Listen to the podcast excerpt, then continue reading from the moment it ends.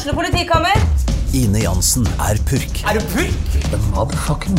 Alt jeg vil, er å finne ut hva som skjedde med mannen min. Jon Carew. Er jeg sikta for noe? Iben Akeli. Det er du. Ole So, Lars Berrum og Big Daddy Karsten. Hvem sin side er du på, egentlig? Anette Hoff, Tone Danielsen, Kommer du fra Afrika? Jørnis Josef, Nesten. Kløfta. Trond Espen Seim, Det er synd å si det, men det var feil mann som døde. Purk. Premiere tirsdag på TV2 Play.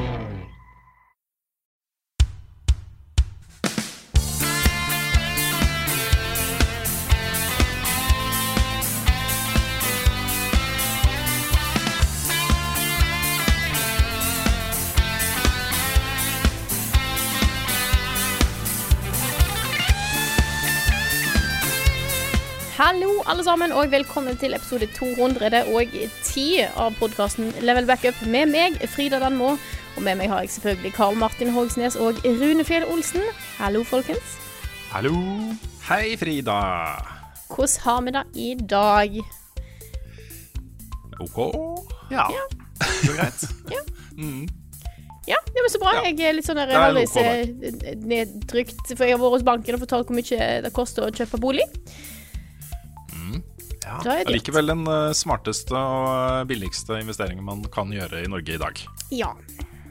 En bare får disse her egenkapitalen opp og gå. Men da, er, da, var, da er egentlig, har vært min dag så langt. Eh, jeg vet ikke helt hvordan jeg skal gå videre til dette, her, men jeg har lyst til å klare å komme meg videre til det vi snakket om rett før vi begynte her. Nemlig at om to uker Det var en fantastisk nydelig overgang.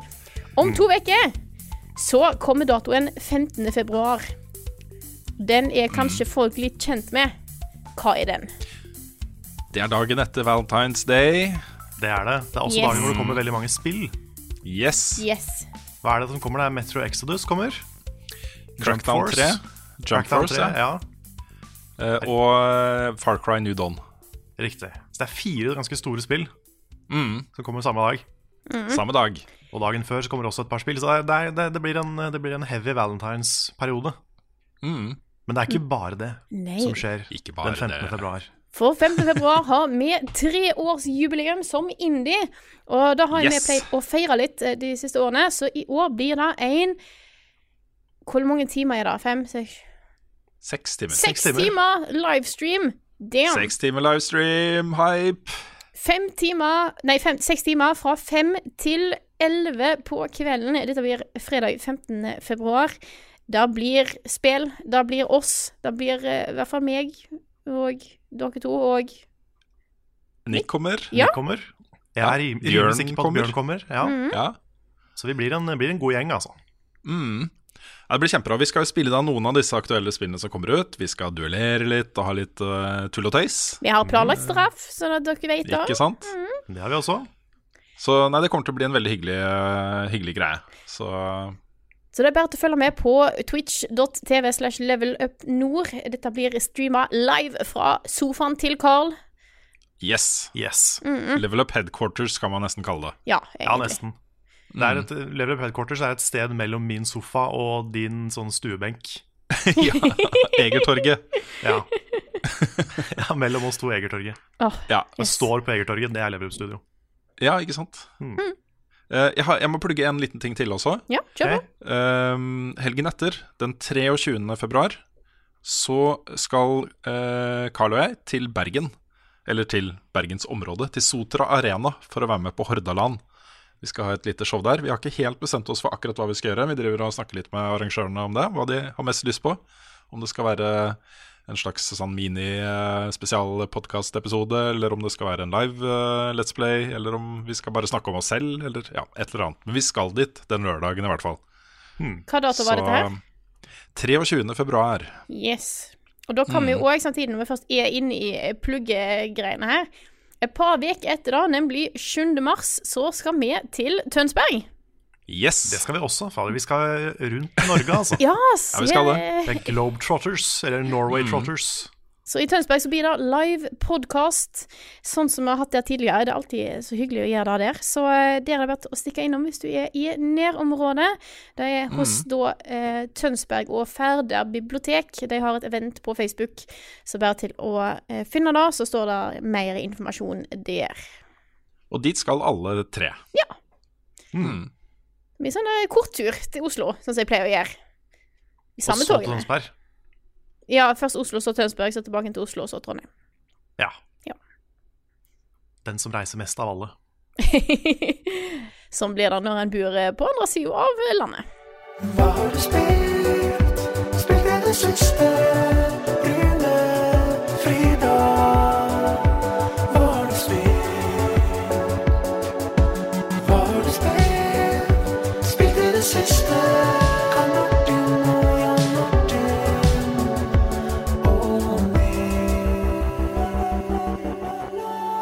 Har jo kanskje kommet et spill siden forrige podkast som noen her kanskje var litt hyped for. Kanskje. Carl. Ja, du tenker på, du tenker på Dreams-betaen? Ja. Ja. Eller Pikuniku. Eller Pikuniku. Yes. Vi har, vi har spilt andre ting òg. Men skal jeg, Ja skal jeg begynne Skal jeg begynne å snakke, snakke om litt Kingdom Hearts? Ja, ja. Du må begynne. Ja. Bare tøm deg, tøm deg, Carl. Ja, jeg har ikke lyst til å tømme meg helt, fordi Nei. jeg skal lage en lang anmeldelse. Mm. Og jeg har ikke lyst til å bare repetere alt jeg kommer til å si i den. Men, ehm, men det er rart å endelig ha fått det spillet her, for jeg har venta på det i så mange år. Og nå føler jeg meg nesten, nesten litt sånn tom. Litt sånn post Kingdom Hearts 3 blues, fordi, fordi jeg har spilt det ferdig. Og Ja. så å si 100 av det. I hvert fall jeg har 100% av de delene av spillet som jeg føler at jeg burde. Mm. Jeg har fått det beste våpenet. Jeg har fått eh, liksom alle de store tinga. Men uh, i starten var jeg litt usikker, litt skeptisk. Og litt sånn engstelig for at eh, kanskje dette her ikke kommer til å leve opp til det, det håpet jeg har, da. For jeg syns liksom kampsystemet virka litt sånn Det virka ikke som det var like mye kult her som det var i to. Og eh, ja, syns kanskje noe av animasjonen var litt rar. Noen av noen av replikkene var ikke så bra levert i starten. Men det viste seg da, at eh, starten på spillet, det som er prologen, som også er litt, litt morsomt, fordi de har gjort litt narr av seg sjøl der Fordi når, når du forventer at Kingdom Hearts 3-logoen skal komme, så kommer det isteden Kingdom Hearts 2,9. Og det, da lo jeg litt, så det var litt gøy. Så de har blitt litt self-aware på, på tittelgreiene sine. Men, um, men prologen er sånn tre timer lang, ish, og tar sted i Hercules-verden. Og det er litt sånn litt annerledes. Fordi vanligvis så har du jo eh, et sånt originalt sted som er veldig relevant for storyen i starten. Som ikke er liksom en Disney-verden, men her skal du bare rett til Hercules. Og det også var litt sånn, ja, jeg har tatt mange Syns kanskje de der heavy law-startene av spillet er litt tunge, men jeg satte jo litt pris på de. Så um, jeg var litt usikker på det. Men det tok seg veldig opp etter prologen. Sånn veldig, syns jeg. Både altså alt. Storyen tok seg opp, eh, kampsystemet tok seg veldig opp. Og bare så fort du får alle de eh, gameplay-mekanikkene, da, som åpner seg etter hvert, så blir det dritgøy. Og det tar av. Og så er Hercules-verden er den dårligste Disney-verden også, av de. Mm. Men så fort du kommer til liksom Jeg hadde ikke noe hype for Tangled, men den er helt amazing. Og Frozen syns jeg var bra. Og eh, ja, Monsters Inc. var kanskje en annen som var sånn helt ok. Men resten er bare dritbra. Pirates of the Caribbean er bare helt drøy. Kult. De har liksom Det var ikke Disney-delen av spillet som jeg var mest gira på. Men det er den som har imponert meg kanskje aller mest. Fordi det er så Nivået er så mye høyere enn i tidligere spill. da Og før så har jeg tenkt litt sånn at jeg liker best når de ikke prøver å gjenskape Disney-filmene, for da blir det ofte en litt sånn halvveis versjon. Sånn som Løvenes konge. I Kingdom Hearts 2 så har du liksom slutten på filmen når Simba brøler på toppen av løveklippen. ikke sant? Det er jo et så stort øyeblikk i filmen. Men så kommer du til det i spillet, og så er det liksom ikke noe musikk. og Det er bare at han går opp, og så brøler han, og så er det ferdig. Ja. Og det, det, det er liksom eh. All, Alle følelsene er borte, liksom. Mm. Men her så er det ikke sånn. da Her har de gjenskapt alt ned til liksom hver minste detalj. Du får hele fuckings Let It Go i Frozen, ikke sant? Mm. Og det er så Det blir så stort, da. Og det blir så det, Jeg har aldri sett liksom scener fra filmer gjenskapt på, på en sånn måte i et spill. Mm. Så um, Disney-delen er dritbra her. Sånn over all forventning for meg. Og spesielt da Pirates of the Caribbean, som er en live action-film hvor de har gjenskapt liksom hele klimakset fra et av filmene. Som er så stort og så imponerende, da. Så det er, det er fett. Damn. Kult. Jeg er jo ikke inne, i den serien sjøl, men jeg har fått med meg det har kommet en ny meme nå som jeg liker veldig godt. Ja, Og Det er den, eh, disse komboangrepene hvor du kan ende opp med at du pælmer langbein i lavaen. Å ja. ja. Det har ikke jeg gjort. Jeg har sett mange sånne, mange sånne giffer nå. Det er veldig morsomt å se på. Ja. Det er så voldsomt, det bygger seg opp. ikke sant? De svirrer i lufta og kaster hverandre rundt og sånt. Så ender det med at bare langbein blir pælma i lavaen. Det er, det er mye sånne ting. Det er Mm. sånne veldig sånne overdådige sånne attraksjonsangrep. De endte opp med å ikke bruke så mye, fordi de er litt for svære. Og de tar litt for mye tid og litt for mye plass. Så de endte jeg opp med å liksom bare la, la gå sin gang, uh, stort sett, da. Mm. Men jeg har jo fått det beste våpenet i spillet, og det tar av på et sånt helt latterlig nivå. Og det er kjempegøy. Det er, sånn, det er den der supersonic-følelsen, bare enda mer. Hvor du bare, plutselig så er du bare OP, liksom. Var det vanskelig å få tak i det våpenet? Måtte du gjøre masse greier og grinde og Ja. Ja. Det var ganske mye. Du har sånne Det er ting jeg likte ganske godt, men du har sånne skjulte Mickey Mouse-hoder i spillet. Ja. Altså sånne symboler. Det er jo en ting Eh, som Pixar har gjort i årevis. Ja, ikke sant? Det er sikkert derfor de har det putta det inn. Mm. Og du har, tror jeg, 90 av de i spillet. Og blant annet, da, for å få det våpenet, så må du finne 80 av de. Ah, okay. Så det er ganske sånn endgame-ting. Og det er veldig godt gjemt. Det er sånn du må se på liksom tre steiner fra en spesiell vinkel. Det er sånne type ting, da. mm. Uh, og de er litt smarte, noen av de. Og så må du ta bilde av dem med, med kameraet ditt, og det også, det også er gøy. For du har jo, ikke sant, du har jo sånn selfie-mode, Ja. som alle, eh, alle self-respecting nye spill har en fotomode. Og du har da en selfie-versjon. Og når, du, når, når Donald ser at du tar bilde, så bare hopper han fram og begynner å posere. Det er veldig koselig. ja, så kult. Og ja, Langbein blir glad for at du tar bilde av han òg. og så er det en, en del i, i Twilight Town, som er huben din, hvor de viser stumfilmer på en svær skjerm. Og da går du bort der, og så, så kan du liksom bare se at Langbein blir sånn sykt into it. Bare 'Å, nå tør jeg ikke å se på mer, for det ble så skummelt'. og så, Det er sånne små ting som er så fint. Mm. Så um, ja. Jeg vet ikke om jeg skal si så mye om liksom, hvor jeg kommer til å uh, ende opp i score. Det er ting jeg også ble litt skuffa over her. Noen ting. Men stort sett så er jeg veldig imponert. Stort sett så hadde jeg det dritgøy med det.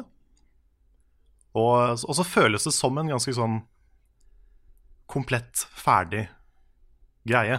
Altså det er en konklusjon på den historien, som også bygger opp til nye spill, men som likevel avslutter det gamle. Da. Mm. Og det syns jeg er, det er greit. Jeg hørte snakk om Det var noen som nevnte at det er litt sånn intro til historien i starten. Ja, du har um, Det er noe som heter Memory Archive okay. på, på menyen. Som er en sånn 20 minutters gjennomgang av ting fra tidligere spill. Så du kan bruke den for å catche opp litt, men det er veldig mye også som ikke blir tatt opp i den. da. Ok, ja, for Jeg lurte på om det var på en måte en, en mulighet da, for folk som meg, som eh, har lyst til å eh, hoppe inn i dette universet, om det var på en måte nok. Men da Mm. hører jeg at det ikke Du- er det. Altså, du, du kan prøve. Du får litt ut av de. Og det er ikke sikkert du må Altså, det aller beste er jo å spille alt. Uh, for det er jo Det er jo det åttende spillet i en serie, på en måte. Ja. Så um, det er jo mye man mister uansett, hvis ikke man gjør det. Men, men Kingdom det kan- Hearts 3, det åttende spillet Ja. i serien. Det er ikke lett. Det skal ikke være lett. Men um, du kan prøve. Det kan godt hende du får noe ut av det likevel. Bare, bare du ser de, og så begynner. Og så er det jo en sånn in game law-tekstgreie også i spillet. Ok. Så du kan, jo, du kan jo lese hvis du orker. Så må jeg spørre, og det er spørsmålet som eh, kanskje er viktig for andre, og, eh, og ikke bare meg. Hvor langt er dette vidunderet, cirka? Er det, en ting, er det en spoiler å si? Er det en ting folk ikke vil vite? Kanskje det, da. Kanskje vi ikke skal svare på det. Nei, jeg, jeg vet ikke. Nei. Jeg kan si det. Nei, jeg tror Jeg jeg, syns ikke det er en spoiler. Sånn Nei. cirka lengde på spill er en uh, ja. Ja. ja, det er altså main storyen. Eh, Jeg tror jeg var på, jeg var på rundt 30 timer da jeg var ferdig. Mm. Og så nå er jeg oppe i 50, etter å ha Ja. gjort masse sånne endgame-ting. Innafor. Men, men jeg håper da at eh, Fordi det er én ting som mangler her, eh, og det er sånne kule, store endgame Altså etter rulleteksten boss fights. Og det var det sykt mange av, og de var veldig, veldig bra i Kingdom Hearts 2. Final Mix. Og det er det, det, er det som er nøkkelordet, fordi det kommer alltid en Final Mix-versjon Ja. Mm. Etter hovedspillet. Og jeg har en følelse at det kommer til å gjøre det her òg, at det kommer til å være DLC. Og, og hvis det kommer på plass, så er dette her en sånn kjempe sånn awesome pakke. Men det er den ene tingen som mangler da, sånn av gameplay foreløpig. En, en hidden dungeon og, og, og skjulte bosser. For det, var, det er en av favorittingene mine med da to Final Mix. Mm. At du har de der supervanskelige Dark Souls-type bossene helt på slutten. Og det er de kuleste fightene i spillet. Så hvis det kommer som en sånn expansion eller DLC eller hva som helst, så har, vi, så, så har jeg det meste, altså. Nice. Nei, jeg syns det er det, det, det varmer hjertet mitt å tenke på at du endelig har fått det spillet her, Karl. Ja, Jeg er det glad føles på dine vegne. nå. Ja, det er, hyggelig. Det, det, det føles litt rart nå å være ferdig med det. Mm. Fordi nå er det, det kommer jo sikkert en firer, men det er jo sikkert mange, mange, mange, mange, mange år til. Da du en Ja, først så kommer det noen prologer og noen minispill på Ja, For det er spørsmålet. 3DS og Kommer de til å gjøre det igjen, eller kommer de bare til å lage fire nå? Jeg føler at det har blitt en, en, en trademark med serien. At de, at de gjør det. Ja, Jeg tror de kommer til å fortsette. Jeg tror de kommer til å ha enda rarere navn. kanskje. Mm. Mm. Kingdom Hearts Electric Boogaloo. For eksempel. Ja. Men er, det er én ting til, da, som jeg, som jeg har lyst til å si. Og det var en sånn, der, en sånn uventa sånn feels-ting. Fordi dette er jo det tredje spillet hvor du besøker Ole Brumm. Ja. Og det er en sånn bok som du går inn i. Og det har alltid vært det. At det liksom først, I første spillet så var det en bok hos, hos Merlin. Men den boka hadde mista noen sider, så du måtte samle de sidene for å, for å få den komplette Ole Brumm-verden tilbake. Og i to så kom den samme boka tilbake, men da var det noen sånne Heartless, som er de slemme, som hadde ødelagt boka. Og da hadde Ole Brumm glemt alle vennene sine, ikke sant? Så da må, du, da må du finne alle sidene igjen, sånn at Ole Brumm husker på alle, alle vennene sine. Men her så kommer boka tilbake igjen. Og så går du inn i boka og hilser på Ole Brumm. Og så er Ole Brumm litt sånn, han bryr seg ikke så veldig om deg. Han er sånn, ja ja, der var du igjen. Det er ikke så farlig. Og det var litt rart. Så tenkte jeg liksom, ja ok, har det skjedd noe med boka igjen? Og så, nei. Det har ikke egentlig skjedd noe med boka. Den bare, det har ikke like god connection med Ole Brumm som du hadde før. Oi. Og det var sånn Nei. det, det ble litt trist. Det var var tiden som veldig- gått. Det har gått 14 år, da. Ja, men det var en veldig sånn uventa litt sånn Ja, men ja, altså fordi Det er bilde av liksom Sora og Ole Brumm på coveret, ikke sant? men så var det ikke det lenger. Det var bare bilde av Ole Brumm. Så det var en litt sånn Christopher Robin-ting. Ja. Som bare Shit. Her har det skjedd noe. Mm. Og det var ikke noe sånn stor, overkomplisert eh, law-grunn til det. Det bare det var ikke like god connection med Ole Brumm lenger. Hmm. Det var, det Sånn var litt sånn gå. overraskende trist. Sånn er det å bli voksen. Ja, det var en liten sånn En liten sånn jab til å bli voksen. Ja. Ja. Så den, den følte jeg litt. Mm. Men, Jeg eh, gleder meg til å se den anmeldelsen din der, Karl. Ja, jeg Ja. kan ta resten der. Det blir, den blir nok eh, ganske lang. Mm, det vil jeg tro. Hmm. Har du lyst til å fortsette, Rune? Det kan jeg godt, for jeg har jo spilt Resident Evil 2 Remake. Yeah. Det er en fet opplevelse, altså. Det er eh, Det aller viktigste jeg kan si om det spillet, er at det er en remake done right. De har beholdt uh, alt som funka med originalen, og så har de lagt til uh, alt det nye de har lært da, med nyere spill, særlig Resident Evil 7, kanskje. Uh, sånn at det føles, det føles som dette spillet her kunne ha blitt lagd nå, liksom. Et moderne spill. Um, og det er kjempegøy å spille det. Og det er nå ca. 20 år siden jeg spilte det forrige gang. Og den følelsen av å begynne å kjenne meg igjen. Så, Det er litt som å lese en bok også, som du ikke har lest på kjempelenge, hvor du vet hvordan det går, og du kan historien og sånt, men du husker ikke detaljene i den. ikke sant? Så for hver nye ting som skjer, så er det sånn Å ja, ja, stemmer det! Det var sånn det var! Så du får den tilleggsopplevelsen der, da. Eh, det er kjempekult, altså. Og så er det skikkelig creepy. Eh, ordentlig skummelt. Eh, og sånn B-movie cheesy fortsatt. Men de har jo mye bedre skuespillere denne gangen, og så er på en måte den cheesinessen tona litt ned, da. Uh, så den er ikke like sånn derre uh, ha-ha, se hvor uh, teite de var på 90-tallet når de skulle lage historier i spill, lenger. Um, men samtidig så er også dette, utrolig sånn tynne rollefigurer. Papirtynne. Det er ingenting med det i det hele tatt, bortsett fra at de er utrolig pene alle sammen. Um, men ja. Så jeg har brukt litt tid da, på å tenke gjennom for meg selv, liksom Det kontra f.eks. The Last of Us, hvor de har brukt masse tid på karakterutvikling og dybde og eh, mellommenneskelige forhold og dialog og sånne ting. eh, som jeg setter så stor pris på. da Hvorfor, hvorfor aksepterer jeg en så dårlig historie i Resident Evil, mens jeg liksom elsker det i andre spill? At de har brukt mer tid på historie. Det er litt sånn derre Ja. Eh, jeg vet ikke hvor om det er mulig å trekke noen konklusjoner ut av det. Men jeg kan jo si da at jeg også liker både veldig dialogtunge filmer og John Wick, liksom. Så Ja. Ja, ja det det fins jo, jo en plass for Resident Evil-type stories også. Absolutt. Men det jeg lurer på, er hva, hva ville denne serien her ha vært, da? Med mer fokus på, uh, på rollefigurer og historie og dialog. Kun, hadde den blitt bedre, eller hadde den blitt dårligere? Eller hadde det ikke gjort noen forskjell?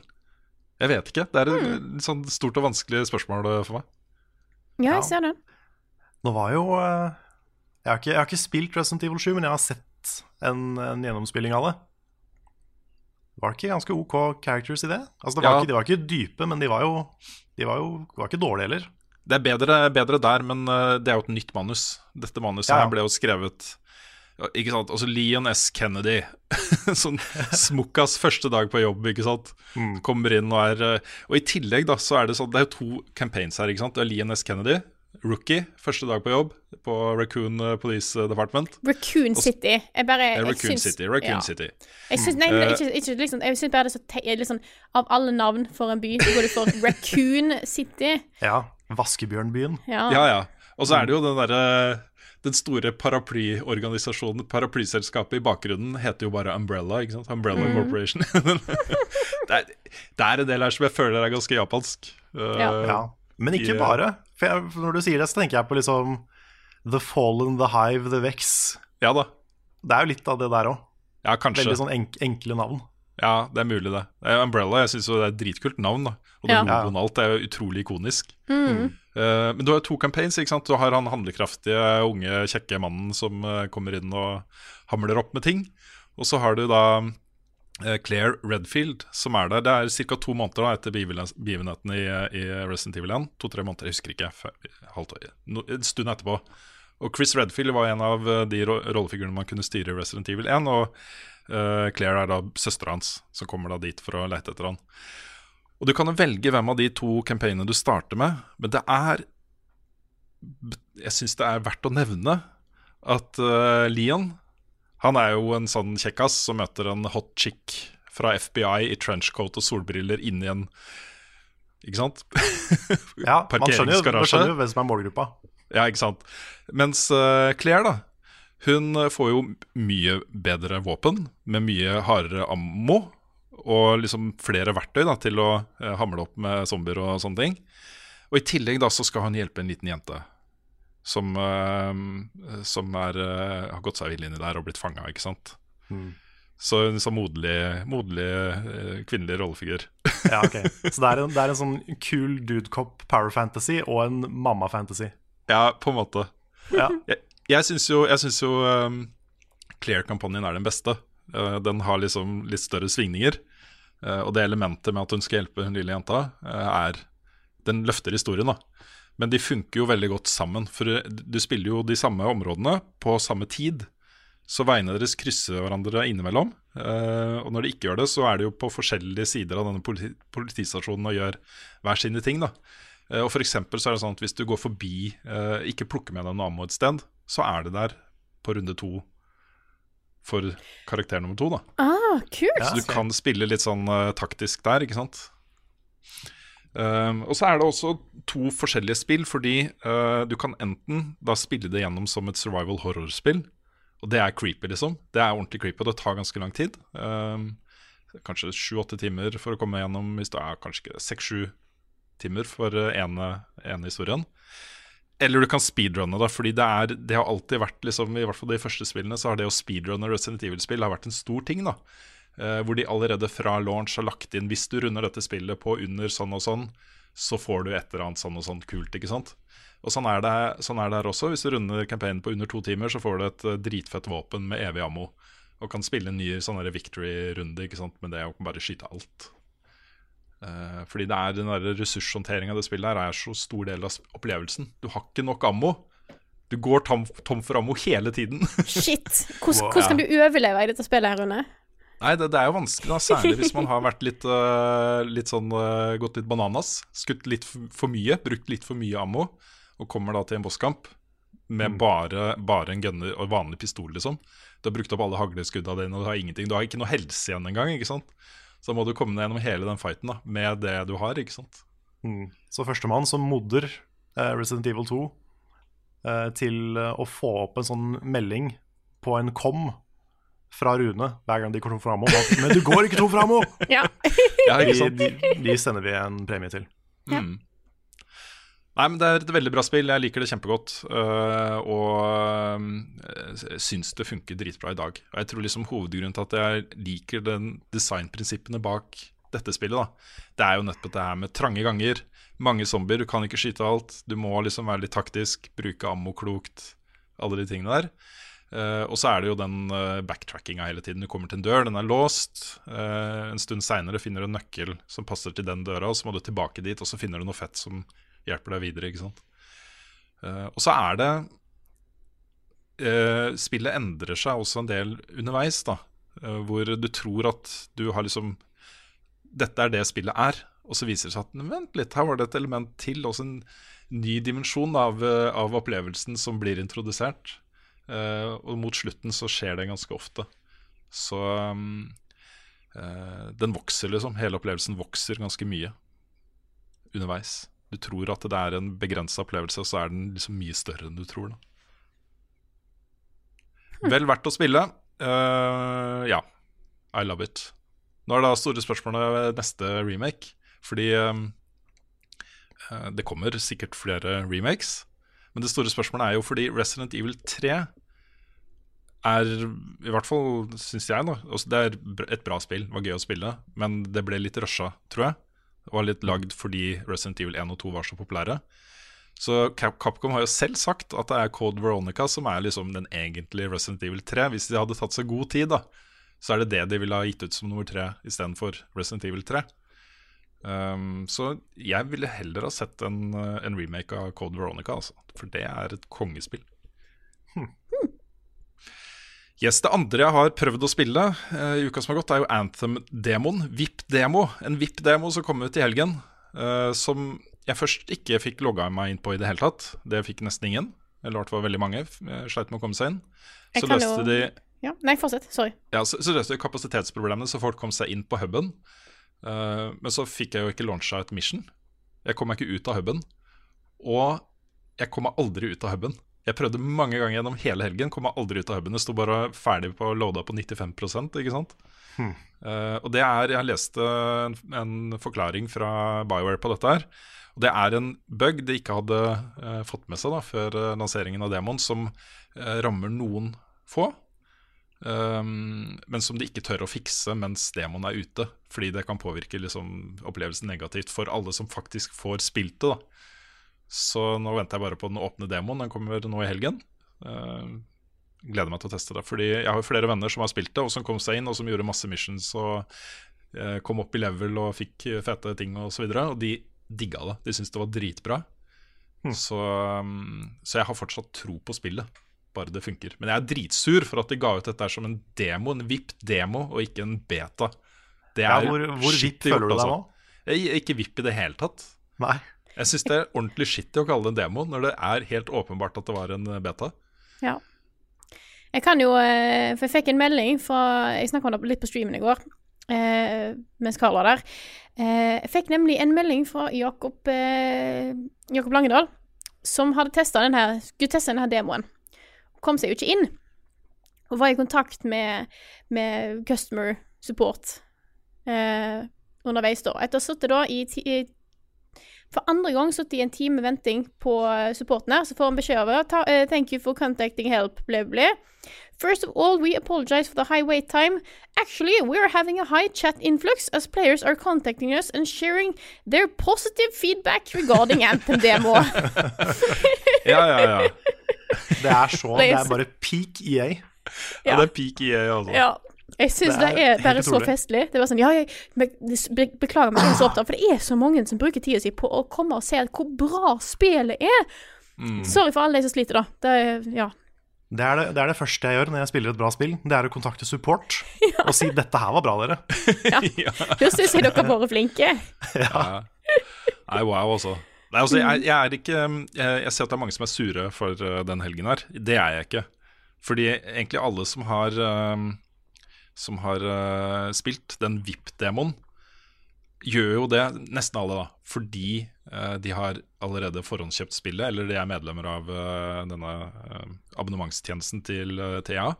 Så man, jeg kommer jo til å spille det spillet her uansett. Jeg ville bare se hvordan det var, ikke sant. Um, det, det er litt annerledes med den, åp den åpne demoen som kommer nå i helgen. Det er nok en sånn prøveklut for mange, tror jeg. Der må de vise at de faktisk har et spill som funker. Hvis de har de samme problemene da, så vil de nok slite, tror jeg, uh, ganske mye med lanseringen. Som jo er allerede 22.2. 14. for de som er uh, uh, EA Access-abonnenter. Så det er jo ikke lenge til i det hele tatt. Det de har endra etter demoen, eh, er Det var sånn jeg ble så irritert når jeg faktisk Det jeg fikk faktisk spille, gjorde meg jo bare irritert, for du er i huben, ikke sant? Som ligner veldig på Tower i Destiny. Det er en sånn sted hvor det er eh, vendors, og du kan eh, chatte med folk. Det kunne du ikke før. De har lagt til en egen sånn social space der også, eh, som de ikke hadde originalt, da, etter, etter mange forespørsler om å ha det. Du kan jo ikke løpe! Du går jo sånn dritsakte bortover. Og Bioware har sagt at de hadde det sånn because immersion, ikke sant? Fordi du skulle liksom Nei. Men du vil jo bare sprinte bort til enevenner som trenger et eller annet til, og så vil du sprinte bort til launch mission, ikke sant? Det er en ting jeg aldri liker i spill. Det at du liksom begrenser hastigheten du kan gå. Nei, ikke sant? Til og med i Red Dead så plaga det meg. Mm. Når du er på campen der, du får ikke lov å ta med hesten inn, og du får ikke lov å løpe. Du må bare gå stille rundt. Mm. Men det gjør meg også litt sånn for de endra den. Nå kan du, den demoen som kommer nå til helgen, så kan du løpe. I hvert fall når spillet lanseres, så kan du løpe i huben. Men det, det er, jeg er litt bekymringsverdig fordi eh, det kan hende at Bioware har misforstått hvor viktig den huben kommer til å være for folk. Og så De tenker at å, her er det så mange interessante NPC-er du kan snakke med og få liksom mye bakgrunnshistorie, og du kan gå rundt og liksom researche ting og gjøre masse greier i huben. Og Det er jo ikke det folk vil. ikke sant? De vil jo ut og fly med javelinen sin og blow shit up. Så eh, hvis de har lagt for mye fokus på det, så kan det være et problem. Men uh, Ja, men det kan være både òg, fordi du har Destiny-fanbasen er nok der. Men det er jo en veldig svær Bioware-fanbase også, mm, som er mest interessert i law og historie og de tinga der. ja. Så det kan være litt begge deler, altså. Ja, Da må de legge ar mer arbeid inn i, i interaksjonen med NPC-ene, i hvert fall. Fordi alle de NPC-ene jeg snakka med, så de sto jo bare rett opp og ned eh, mens de sa dialogen sin. Og det var ingen interessante dialogvalg jeg kunne ta heller. Um, Nei, ok. det var egentlig bare kjedelig, men det, det der skal jo utvikles over tid. Akkurat som i Destiny, så har jo alle de eh, NPC-ene i, eh, i eh, social spaces har jo ny dialog. Når det skjer nye ting i spillet, så sier de nye ting, ikke sant? og de kommenterer ting som har skjedd, og, uh, og så videre og så videre. Sånn må det jo være her også. Det må være et levende sted, ikke sant. Ja. Det blir spennende å se. Ja da, jeg er, jeg er fortsatt veldig spent på det spillet. Og tilbakemeldingene fra Daniel og Erik og Mats, som har spilt det masse, det er de jeg spiller Destiny med også, de, de var veldig positive. De digga det. Kjempe. Så jeg stoler, jeg stoler jo på dem. Da kan jeg eh, ta og fortsette. Hvis ikke du vil snakke litt om Dreams, Carl? Nei, altså, jeg kan si litt. Ja. Vi spilte det på stream i går. Tok en liten titt innom editoren. Eh, Det ble litt for, litt for tungt seint på kvelden midt i en stream, merka jeg, å sette seg inn i. For det var sånn tolv tutorials i den første hvordan begynne, liksom. Men, ehm, men det er kult å se at folk har klart å lage så mye forskjellig i det allerede. For dette er jo en eh, Det virker som det er Sonys svar på Project Spark. En litt sånn spilleditor. Mm. Hvor du kan, du kan modellere, du kan legge inn musikk, du kan lage, i hvert fall i teorien, alle mulige forskjellige typer spillsjangre. Legge inn cutscenes og dialog og alt mulig. Voice acting kan du putte inn, så jeg. Så du kan, jo, du kan jo liksom lage ganske mye forskjellig og ganske mye kult. Mm. Det er ikke noe som har blitt lagt ut i den demo-beta-tingen her som har vært veldig imponerende ennå. Men det kan veldig fort komme. Mm. Så det er, det er et spill som kommer til å bli spennende å følge framover. Vi testa litt sånn Sonic-demoer og noen Ja. som hadde gjenskapt uh, Kokiri Forest. Er ikke det det heter? Kokiri Forest? Jo. Jo, eh, fra Coreen of Time. Noen som hadde gjenskapt PT, som var veldig bra Ja. gjort. Mm. Bare minus de store cutscene-delene, da. Så den, Mm. den, den svære jumpscaren var ikke med. Og det var greit. Men den stemningen i PT hadde klart å liksom Den hadde de faktisk naila, da. Mm. Så det var uh, impressive. Mm. Så det blir, det blir kult å følge med på Dreams framover. Det kommer jo i løpet av året. Ja, Ja. det har vel ikke fått noen konkret dato ennå, men det begynner å nærme seg, tror jeg. Ja. Mm. Altså, det er eh, verdt å følge litt med på. Mm. Hvis det tar av, så kan det bli ganske spennende. Det, jeg, jeg har troa. Nå har jeg troa. Ja. Ja. Jeg er veldig jeg er 50-50. Hvis det får et, eh, et stort nok publikum, så tar det av. Det er Det er også en viss fare for at det kan bli Project Spark. Det er veldig avhengig av hvor mange som er interessert i å lage ting Mm, i det. det er det. Det er som kan- enten-eller. Ja, det er liksom akkurat det. Noe blir Mario Maker, noe blir Disney Infinity. Men da kan jeg fortsette med det jeg har spilt i det siste. Først kan jeg si at jeg, har, jeg og Petter har gjennomført Kingdom 2. Kingdom 2 Currents. Nettopp. Kingdom 3. Nice. Ja. Det er bra spill. Jeg, jeg sier det en gang til. Bra spill. Anbefales. Eh, og så har jeg spilt et spill som jeg fikk anbefalt av Rune, nemlig Pikuniku. Mhm. Som eh, Jeg syns det er litt festlig når du snakker om eh, at du liker både spill som har veldig lite på en måte, Ikke så veldig dype karakterer og ganske grei story, og så liker du et spill som har veldig djup story og alt sånne ting. Og da har jeg allerede skrevet en liten seksjon om i anmeldelsen min av dette spillet her, for dette her er jo Det er gøy å se film som er veldig sånn, ordentlig godt skrevet thrillere eller dramafilm og sånne ting. Og av og til så trenger du bare en utrolig teit komedie, Mhm. og da er Pikniku. Ja, ikke sant. Ja. Det er bare hysterisk morsomt, teite greier hele veien. På et tidspunkt så kommer du ned i håla, og der bor det en stein. Og når du går inn i rommet hans, da, så knekker du bordet hans, og teservisen hans går i bakken. Så for å tilbakebetale for at du har ødelagt teserviset til en stein, så må du leke gjemsel med steinen. Så du må gå rundt i den byen her og prøve å finne steinen som har gjemt seg på flere plasser. Og så får du en hatt når du er ferdig. Og da var bare et, av et side mission. På Ja, det, her er med, det her må jeg spille. Ja. Mm. Så det er bare rare greier. Og det, jeg, jeg så Etter du hadde eh, anbefalt det, Rune, så så jeg traileren på dette her. Og da beskriver vel Piknuku som en dystopisk adventure som handler om å gjøre folk glad, og òg om deep state conspiracies. Ikke sant. Og de tar ikke helt feil heller. Det er det som er det mest fascinerende. Du kan, du kan det, det kan gi litt mening. Det det er en historie der. Han er, han er ikke så, så djup, men den er der. Og åpningssekvensen er på en måte litt sånn Setter linja for resten av spillet, da. Det er, det er en som går og skriker om at du får free money for free. Uh, så det er, det er et interessant spill. Jeg uh, har begynt på anmeldelsen der. Håper jeg får den klart om ikke så lenge. For det er et uh, Det er et festlig spill som folk gjerne kan få med seg inniblant alle disse her store, mer seriøse spillene. Godt å ha litt sånn avkobling. Jeg skjønner òg om hvis, hvis du ikke syns at humoren i spillet er morsom, så er det et kjedelig spill for deg. Eh, Men jeg syns det er kjempegøy. Det er jo måten karakterene beveger seg på. Det er et eller annet med beina deres som jeg syns er hysterisk morsomt. Jeg vet ikke helt hvorfor, uh, men de liksom De på en måte drar seg bortover uh, langs bakken. Uh, og det av og til er det ikke alltid fysikk gir helt mening. Det er, det er et kjempefestlig spill. Jeg har kost meg masse. Det er masse teit dialog, masse teite karakterer. Så uh, anbefales. Og så, så kommer det en anmeldelse. Ukens anbefaling. Hva skal jeg finne på? Ukens anbefaling. Hva skal jeg finne på? Ukens anbefaling. Hva skal jeg finne på? Ukens anbefaling. Hva skal jeg finne på? Rune sitter klar med en anbefaling til, til oss.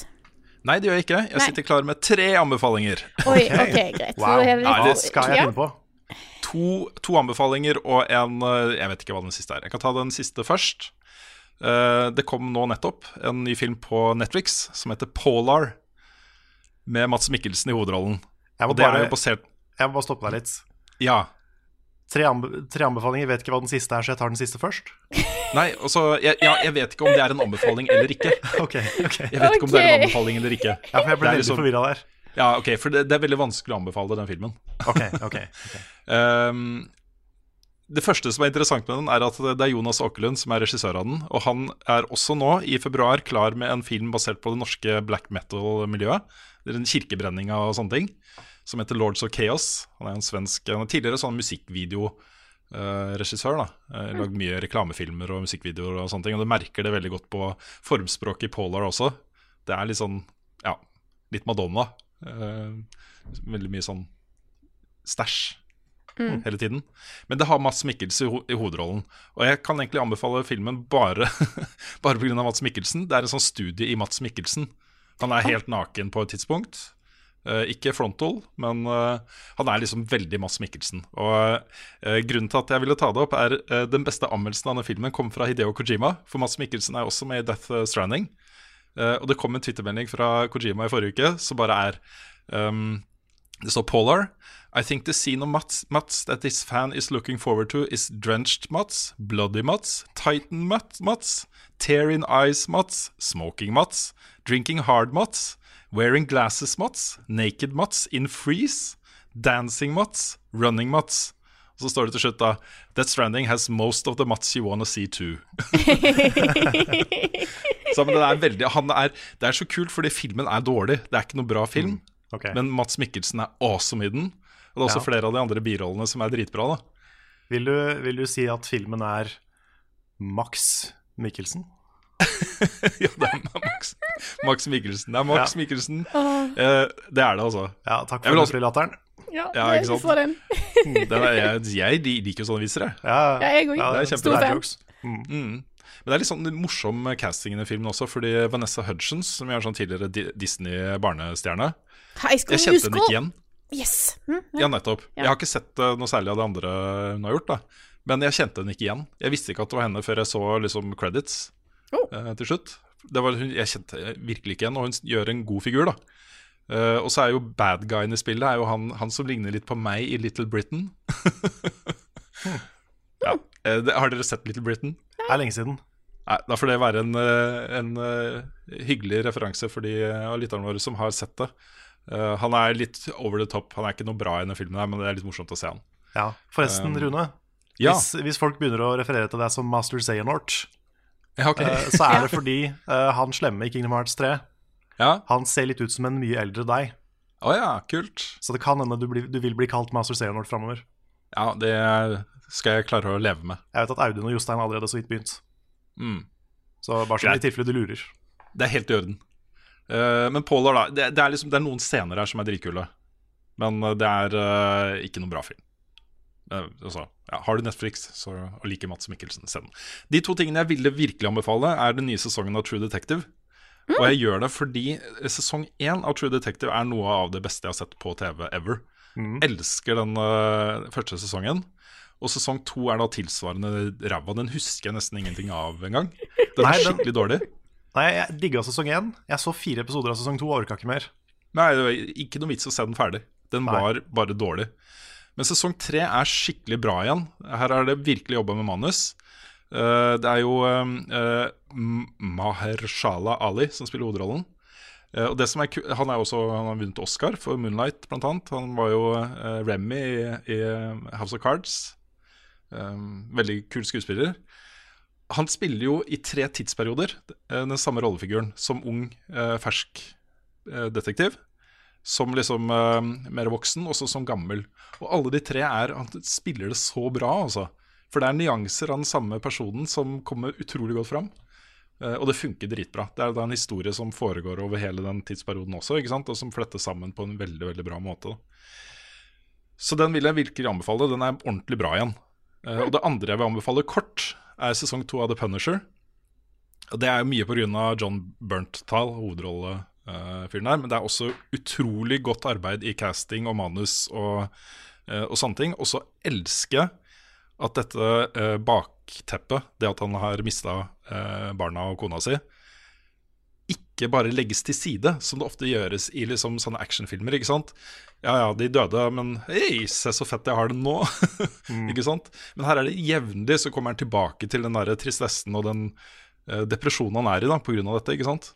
Eh, og det preger hele serien på en veldig fin måte. Også det er eh, Legger et sånn lag på alt som skjer, som ikke så mange den type actionfilmer og TV-serier har. da så um, ja, vil anbefale den også på det aller varmeste.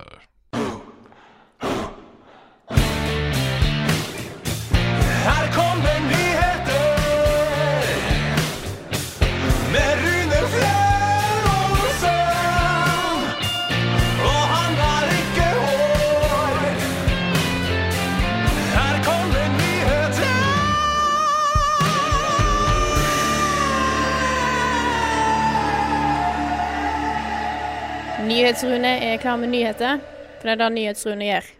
God. Yes, that's me. Yes. Um, kan begynne med at uh, rett før lansering Metro Exodus er jo et av de spillene som da kommer 15. februar. Som jo også er kjent som uh, jubileumsdagen for uh, Buffkitten AS. Yes. Mm -hmm. uh, ikke lenger kommer ut på Steam. Det kommer eksklusivt på Epic Game Store i en tidsbegrensa periode. Det er vel snakk om ut 2019, tror jeg. Så fra 2020 så kommer det til å bli shoppet på andre PC-plattformer. Ikke plattformer, hva sier man? da? PC-utsalgssteder. Digitale Ja. PC-utsalgssteder. PC-sjapper. Dette er det Ja. andre storspillet i vinter som eh, Epic har eh, kjøpt rettighetene til å ha eksklusivt. Det andre er Division 2. Um, og ja, det er jo reaksjoner begge veier her, på en måte. Um, det er mange Steam-brukere som er dritforbanna fordi de ikke har lyst til å bruke ny klient, og uh, de syns Steam er en bedre, et bedre sted å være. Der har de vennelister og cloud saves, og det er masse Steam har, da, som ikke Epic GameStore har foreløpig. Eh, Så de er sure for det. Um, mens andre, um, jeg rekker opp hånda litt her i hvert fall, mener det er dritbra at Steam får konkurranse nå. Eh, og det å på en måte kjøpe store spill eksklusive på den måten er jo kjent fra konsollverdenen, ikke sant? Um, er jo med på å beefe opp Epic Game Store til å bli en, en stor konkurrent da, til Valve og Steam. Problemet her, syns jeg uh, For jeg har ingenting imot at ting havner på ulike At, at Steam får konkurranse. Det er på tide. Uh, Epic Games Store kan gjerne være den konkurrenten. Ikke noe problem med det. Det jeg syns er litt mer sketchy, er å skifte underveis. For det som skjer, er at du får en delt playerbase. Ja, det hadde jo vært et Playerbase kjempestort var det dummeste norsk-engelsk blandhistorie jeg noen har sagt, men yes. Det hadde jo vært et kjempestort problem i et spill som primært er multiplayer. Uh, ikke fullt så stort problem, føler jeg, hvis et spill er uh, singleplayer. Nei, det er egentlig sant. Um, men uh, allikevel. Også hvis, hvis f.eks. spillet har co-op, eller hvis det er multiplayer der, så er det jo uansett en kjip ting. For det er jo en del folk som har forhåndskjøpte på Steam, de får det jo på Steam. Um, men det blir da ikke solgt mer der, så nye, nye kjøpere uh, må gå til Epic Game Store. Uh, det er også sånn folk som har forhåndskjøpt uh, en fysisk uh, eh, altså en boks, en sånn special edition av det spillet her, som det følger med en kode, får nå da Epic Game Store-kode istedenfor Steam-kode. Riktig. Så ja. Men er det, det er vel ikke noe problem å spille online med folk på Steam, hvis du kan spille online i et spill som er på begge? Det vet jeg ikke, men jeg, jeg, jeg vil tro at det skal være mulig. Hvis uh, serveren er hos dem, så burde det være Ja, altså jeg skjønner jo at ikke du, du har ikke tilgang til vennelista. Den Mm. delen skjønner jeg, men jeg går ut fra at du kan spille på tross av Altså, jeg kan ikke se for meg at det blir et problem. Nei, jeg vil tro det går greit, altså. Jeg vet Ja. ikke. Men uansett, altså eh, Jeg liker jo Epic Game Store-klienten. Jeg syns det det er en bra ting. Det syns jeg er ekstra bra da at Valve får konkurranse. Fordi de må gjøre noe med den der 10 000 nye spill i året-greia si. Eh, de må fikse den butikken, rett og slett. Og um, eh, selv om jeg også er glad i liksom grunnfjell-steam, jeg elsker å ha det biblioteket der, jeg elsker cloud saves og alle de tingene, så um, sliter jeg med å browse den butikken nå. Jeg klarer ikke, jeg blir bare deprimert av det. Mm. Så det er bare når jeg skal ha noe helt spesifikt som jeg går inn der nå, nå om tiden. Da. Ja, for jeg går Ja, ikke inn der og prøver å finne Ja, nå trenger jeg et nytt spill å spille. Da gjør jeg ikke. Liksom skal prøve å finne et nytt et. Nei, Mm. Nei, det er, eh, og det er så synd, fordi det kommer så mye bra små spill på PC. Mm, Men når ikke det fins noe sånn kurasjon, ikke sant? Mm. Kur kurasjon. Ja. ja, jeg tror det er det det heter. ja. Når ikke det fins noe av det eh, på Steam, så er det vanskelig å, å finne de spilla. Mm. Ja, du har jo de curator-listene på, på Steam. Ja, men de også er jo styrt av folk Ja, som også har gravd seg gjennom Steam. ikke sant? Så det er litt, Altså, litt, jeg, jeg eh, tenker jo at eh, også det er massevis av konsollspillere som også hater eksklusivitet, særlig for tredjepartsspill, sånn som da Tomb Raider plutselig kom bare på Xbox Mm. uh, etter å ha vært ute på alle tre da for den første rebooten. Så var det eh, timed exclusive på Xbox etterpå. Folk, det er jo ikke bra, liksom. Jeg skjønner at folk blir sure pga. det. Um, men der har de jo konkurranse, ikke sant. Og den konkurransen er viktig for videreutvikling av, eh, av mediet. Den konkurransen eksisterer ikke i samme grad på PC, og det er sunt og bra at Valve blir utfordra bl.a. på cutten de tar for salg. Som jo hos uh, Steam så er vel det 30% eller noe sånt, er det ikke det? 30-32 mens, sånt. Mm. Ja, mens på Epic Game Store så er den jo eh, halvparten, ikke sant. Så utviklerne og utgiverne, sitter, særlig indie-utviklere, da, sitter jo med en betydelig høyere andel inntekter fra salg på Epic Game Store enn de gjør på Steam. Så kan man jo si da at, eh, at Steam har jo utrolig mange flere brukere, så hvis du først får en hit der, så vil du nok tjene mer penger fordi de selger flere spill. Men uh, ja. Jeg vet ikke, jeg også. Det er Det beste hadde vært om alt kom ut overalt. Men uh, det ligger jo litt business-tanker her i bakgrunnen også. Det, det gjør det. Men det er jo også ikke like farlig, føler jeg, på PC, i og med at du slipper å kjøpe en ny konsoll. Ja, ikke sant? Det er jo bare å laste ned en ny app, på en måte. Mm. Ja. Så det er jo en lettere inngangsbillett. Sånn sett. Ja. Jeg, skjønner, jeg skjønner at folk syns det er uh, upraktisk og kjipt, men så lenge man kan spille sammen Jeg tror også det er sånn at du kan legge til spill i Steam, selv om ikke du kan kjøpe de der. Det kan du. Og da løser vel det det problemet, så vidt jeg har skjønt. Hvis ikke jeg misforstås. Det kan Jeg, jeg, gjerne, jeg vil tro det er mulig. Gjerne korrigere meg hvis jeg sier noe feil nå, men, men ja. Jeg føler dette er verdt det, da. I hvert fall, Mm. hvert fall her og nå, når Steam er så svært som det er, og har tatt seg en del friheter, og i tillegg har en ræva butikk som bare blir verre, Mm. så føler jeg dette her er et Jeg tror det er bra. Mm. Helhetlig tror jeg det er bra. Ja, jeg tror også det. Jeg tror det. Det hadde vært øh, deilig å bare hide all crap. eh, tab på Ja. Steam. Det hadde gjort mye. Mm. Remove the shit. Remove the shit, ja. Ja. Det er jo litt farlig å si, da, for man vet jo ikke om ting er dritt før man har testa det, men Nei. Nei, det altså, når vi, sier, når vi sier dritt, så er det jo sånn shovelware. Altså sånn hvor du har kjøpt, Ja. du har kjøpt noe assets i Unity, ja. satt det sammen på en kveld og solgt det, liksom. ja. Og det er det en del folk som tjener penger på på Steam. Mm. Og det burde det være noe kvalitetskontroll på. Ja. Greit. Jeg gleder meg i hvert fall til spillet, da. Og det er jo på en måte det viktigste her, er jo uh, spillet. Det er uh, For meg er det i hvert fall det. Om jeg spiller det på Epic Game Store eller Steam, er egentlig helt fett så lenge spillet er bra. Så ja. Også en, eh, en annen stor nyhet for uka som har gått. Et spill vi har gleda oss veldig til, og som vi til og med hadde med på vår preview-liste for 2019. Metroid Prime 4 er kansellert. Og gjennomfødt. Ja, der tok du en sånn YouTube. Ja, ikke sant? Ja, Metroid Prime 4 cancelled, og så store bokstaver, og så en trist mann.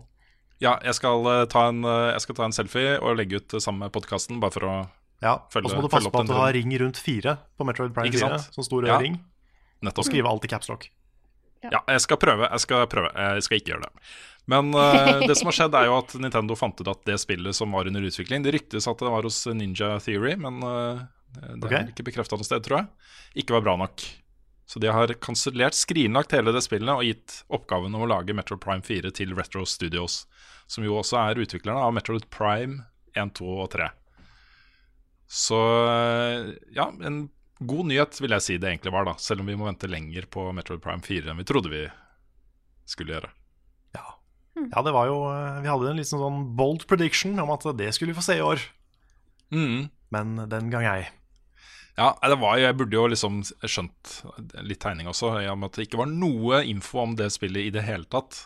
Så var det kanskje litt, uh, litt naivt å tro at uh, jo da, det står, alt står bra til med det spillet, og det kommer ut i år. så alt vi har sett, er jo bare den logoen, ikke sant? Ja, det, det gjelder jo også Pokémon, da. Ja, det er sant, det. Så det, Det er sant. desto mer spent på det. Mm. Nei, for den lisensen har gått til Blizzard. Ja. ja da. Det hadde vel vært litt kult, kanskje? Kanskje. Kanskje.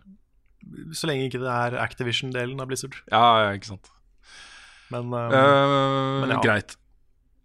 GameStop prøver å finne en, eh, en oppkjøper. De har lyst til å selge seg. uh, og har jobba nå hardt for det lenge, uh, men nå har de gitt opp. De har avslutta jakten på kjøpere med begrunnelsen av at de ikke har klart å skape nok verdier i selskapet til å være attraktive for oppkjøpere.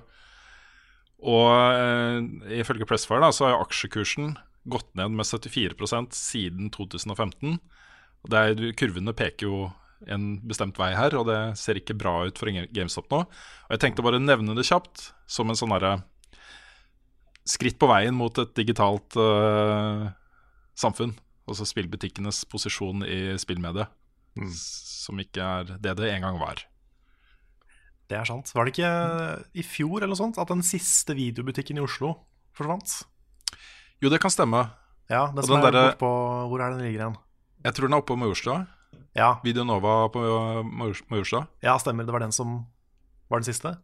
Ja, det var kanskje ikke den siste. Det selges jo, eller leies fortsatt ut eh, videoer og Blu-rays på kiosker, har jeg sett. Noen sånn små kiosker rundt omkring. Ja, det leies Men, ut, faktisk. Ja, jeg, tror, jeg mener jeg har sett det. Det er mulig, det er lenge siden. Jeg, jeg vet ikke. Jeg vet ikke. Men uh, det markedet er jo også dødt, da. Ja, det er nok Så- eh, litt uunngåelig. Mm. Men det hadde vært Altså Jeg vet ikke om det går an å redde GameStop. Jeg. Om det går an å, hvis, de, hvis de posisjonerer seg enda mer som en sånn type Outland-butikk. Mm. For de har jo begynt med det. Begynt Ja, de må gjøre det. T-skjorter og kopper og en del sånne ting. Men Outland heter Outland, GameStop heter GameStop. Ja, altså det må, det må jo være spillfokus. Ja, Men, å kjøpe, men å selge mer spillmerch Jeg vet ikke om det er nok. Mm. Altså, det er kanskje ikke det. det spørs. Mm. Det spørs. Eller brukte spill og retrospill hadde vært eh, fett. Men jeg vet ikke hvor mye penger det er heller. Nei, det er nok ikke, i hvert fall ikke penger nok til å opprettholde den organisasjonen som, eh, som GameStop er, da. Nei. Så Yes. Uh, og så tar jeg et spørsmål jeg, fra Marius Hauge som siste nyhetssak. Um, han skriver leser på pressfire.no at EA har gitt opp kampen mot lotterimyndighetene i Belgia om lootbox-systemet deres, da i Fifa. Eh, en seier for forbrukerne, uten tvil. Tror dere at ringvirkningen av dette kan smitte over på andre land som også sitter litt på sidelinjen angående dette betente temaet, om det anses som gambling eller ikke? Og tror dere på sikt at det kan bli med på å forandre på mikrotransaksjoner som vi kjenner dem? Eh, og saken her er jo at eh, de belgiske lotterimyndighetene gikk ut og eh, stansa. De ba liksom alle spillutviklerne som hadde den type lootbox-systemer i spillene sine om å slutte med det, fordi det strider med belgisk lov, eh, mens EA nekta. Nå har de vært i møter, og så har de funnet ut ja, ja, ok, kanskje de har et poeng. Eller i hvert fall så har de godt nok poeng til at de har bestemt seg for å endre praksisen i Belgia. Eh, nå ser jeg at norske lotterimyndigheter er eh, veldig på, på banen.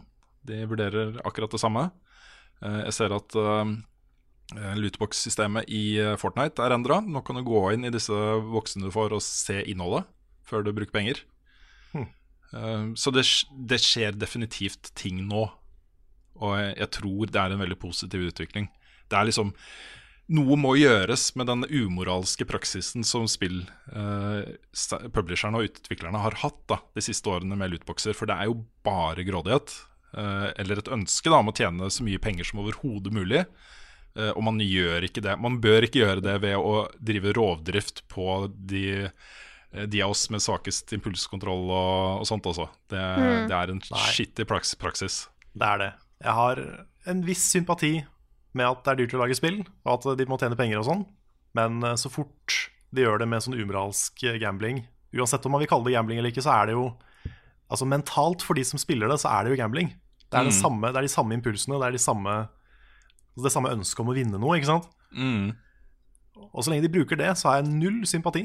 Da, da, altså, da, da fortjener de å gå i dass, hvis de begynner å bruke sånne ting. Kommer Ruen sin standup på DVD, eller? Jeg selger et guttenavn. Hva er det verste karet sitt? Hvilket språk snakker Frida egentlig? Hvorfor er Mario rørlegger? Vi skal selvfølgelig svare på spørsmål fra våre kjære lyttere, og vi begynner med et spørsmål her fra Oliver H., som skriver Hei, hva tenker dere om saken om Mats Ibelin Steen? Den kom på søndag, og da Dagsrevyen lagde en egen sak om den på mandag, var han lest av 700 000 personer. Den rører oss alle, men samtidig, det er vel ikke første gang vi hører om historier om foreldre som ikke skjønner verdien av gaming. Må det komme mange flere saker før gaming får skikkelig anerkjennelse? Eller dette er kanskje da for gaming som Sotravalen var for engasjement mot plastforsøpling? Det er jo Det- eh, For den som ikke har lest den saken, så er jo det en helt fantastisk rørende eh, historie eh, om da eh, Mats Ibelin Steen, som hadde en muskelsykdom som gjorde at han havna i rullestol, og eh, eh, sannsynligvis ikke kom til å leve så veldig mye lenger uten noen, å være noen og 20, og fant, eh, fant stor glede i World of Warcraft, da. Ja, Eh, hvor han var liksom eh, fri fra rullestolen og han var veldig glad Det var mange sånne detaljer i den saken. Uh, hvor vennene hans fra spillet beskrev liksom at han var veldig glad i å løpe overalt. Ikke sant? Mm, Eh, men der var han en respektert, eh, et respektert medlem av et guild, eh, med da medlemmer fra hele, fra hele verden. Hvor han, han levde liksom et, et godt liv da, i World of Warcraft, i kom, kommunikasjon med sine venner. da, Det var ekte venner. Hvor da også flere av de møtte opp på begravelsen og har da delt sine historier om eh, sitt forhold til Mats i ettertid med foreldrene. Eh, og saken er jo Altså for det første er det er jeg helt enig Frida, det er en kjempegod sak. Og jeg er så fan av den eh, long read-formatet på nett, hvor det tar seg tid til å faktisk gå litt i dybden. Eh, de har intervjua liksom andre medlemmer av gildet, vennene hans. Eh, foreldrene som uttaler seg, og det de sier, er jo at de ikke før etter at han var død, skjønte hvor viktig det livet der var for han. da. Eh, og hadde litt sånn anger på at de ikke hadde eh, Også at de hadde vært strenge på leggetider, f.eks. Uh, de ville han skulle legge seg klokka 11 senest. Mens mye av raidinga sånt foregikk sikkert rundt midnatt og kanskje ut i små timer og sånne ting. da. Uh, og de så på det som litt sånn stakkarslig at han uh, var der, da, istedenfor å ha det livet som de egentlig hadde ønska for han, ikke sant. Men som Mm. sykdommen tok bort fra han. Så jeg syns saken er utrolig viktig, og det er ikke noe, også nå er den jo jeg tror runda én million uh, visninger. Eh, den er eh, syndikert nå til BBC, som skal kjøre en engelsk versjon av eh, saken. Det kommer Mm. sikkert til å bli lagd dokumentarfilmer av dette her og, og sånne ting også. Dette er en sak som utrolig godt uh, illustrerer uh, verdien av virtuelle liv. Altså de vennene man får der og sånne ting. Uh, men det andre poenget til Oliver her, det med at um, mange kanskje anser det som et spesifikt case, da. Fordi selvfølgelig en, en fyr som er tvunget til et liv i rullestol, ehm, og den sjukdommen han hadde, Selvfølgelig kan de hente mye verdi ut av å eh, være fri for det virtuelt, da, digitalt. Eh, men det gjelder jo alle som har eh, sosiale omgangskretser på nett i spill. Eh, det gjelder oss, som har sant, spilt online-spill og fått venner fra hele verden. Jeg har f.eks. Flere ganger møtt eh, noen jeg spilte med sånn for en stund siden. eh, en i Italia og en i Nederland. Fortsatt liksom venner på Facebook, og jeg følger med på ungene deres og, og sånne ting. Um, det, de gjelder jo eh, folk uten livstruende sykdommer også. Eh, og jeg er litt sånn stressa på at den saken her ikke handler om det uh, for mange. At de bare tenker at dette er OK. Har du det skikkelig ille i livet, så skal du få lov til å spille seinere enn klokka 11 på kveldene, da. Ikke sant? Ja, sånn, ja. Jeg tror denne saken har nådd veldig mange, og da merka jeg ved at eh, etter jeg hadde, jeg hadde lest denne saken her, eh, og måtte tenke litt på den, og et par timer senere så fikk jeg en melding fra mor mi som sa hei, har du sett denne her saken her, den er veldig fin, og foreldrene mine er på en måte Pappa har vært litt gamer opp gjennom tida, mamma har ikke vært det. Så da at mor mi har lest den og sendt den til meg, er på en måte viser meg at denne har nådd mange flere enn bare oss som er interessert i media. Mm. Ja, det har vært en oppvåkner og en eh, viktig en, tror jeg, for mange. Så bare håper jeg, håper jeg at, eh, at grunnprinsippet liksom også synker litt inn. da. Det at, eh, at uh, online-liv også er et liv, på en måte, og så har en verdi for folk. da. De mm. vennene man får der, og den interaksjonen man har med de, er betydningsfull. Det er ikke bare noe man kaster bort tida si med, liksom. Det er viktig og givende. noe. Mm, Ja. Absolutt. Og så er det jo litt sånn som vi har snakka om før, at mange av de tinga her er jo også et spørsmål om tid. At Mm. det er mange mennesker nå som ikke har det forholdet til verken gaming eller internett, egentlig, som er litt oppi åra, som ikke helt har forstått det. Selv om det er mulig, altså det er vanlig å ha en bestefar på Facebook nå, men det er ikke, det er ikke dermed sagt at de forstår internettvenner og sånne ting. Mm. Mm. Så det er jo en ting som er helt naturlig for veldig mange mennesker som vokser opp nå, men som er mindre naturlig jo eldre man blir. ikke sant? Så jeg tror dette kommer til å skje naturlig også. Eh, Og det har jo skjedd mye bare på de åra jeg har vokst opp. Jeg husker jo gaming var jo ikke bare sett på som tidsløseri da jeg var liten, men det var også sett på som litt lite kult. Mm. Så det er jo helt annerledes nå kontra da, og det kommer til å fortsette å bli bedre, da. Mm. Mm. Ikke at det er en grunn til å ikke liksom pushe det litt, for det er bare bra, å- bra å pushe litt uh, og dele sånne saker og, og sånn. Det er veldig bra. Men jeg tror også det vil skje naturlig. Jeg tror også, måte, med årene så blir på en måte gaming mer og mer allment akseptert, spesielt i sånn jeg tror, er på en måte terskelen for når det er OK, vokser litt med de som spiller. Da å drive med gaming nå på min alder og sånt er jo på en måte fullstendig anerkjent og OK. Jeg tror denne saken her har gått eh, Kan hjelpe deg på, på de Altså foreldregenerasjon og litt oppover. Og Mm. se litt hvordan det, hvordan det er. Mm. Eller så var det Det er jo på en måte en, en um, Dette er jo også Det å lese historien til Mats, og bli kjent med Mats gjennom den saken, da, var jo også en veldig sterk opplevelse. Mm. Um, så jeg, det kom noen tårer når jeg satt og leste det på var det søndagsmorgenen, tror jeg. Ja, samme her. Um, og eh, det er jo uh, et flott Hva skal man si, en sånn legacy som han etterlater seg, da, ved å eh, bidra til en sånn type oppvåkning um, om et viktig tema. Absolutt. Så ja. Hvis ikke du har lest den saken, så anbefaler jeg å sjekke den ut. Den er utrolig flott sak. Viktig sak. Mm. Yes, skal vi hoppe videre her? Det blir litt sånn der, de nyhetssendingene etter en sånn tung sak som bare Now some kittens with a bow tie. Ja. Og med det så tar jeg et spørsmål her som, eh, som minte meg på en ting. Det er nemlig et spørsmål til meg fra Ville Johnsen, som skriver Frida, har du tilbakemelding på potetgull i taco?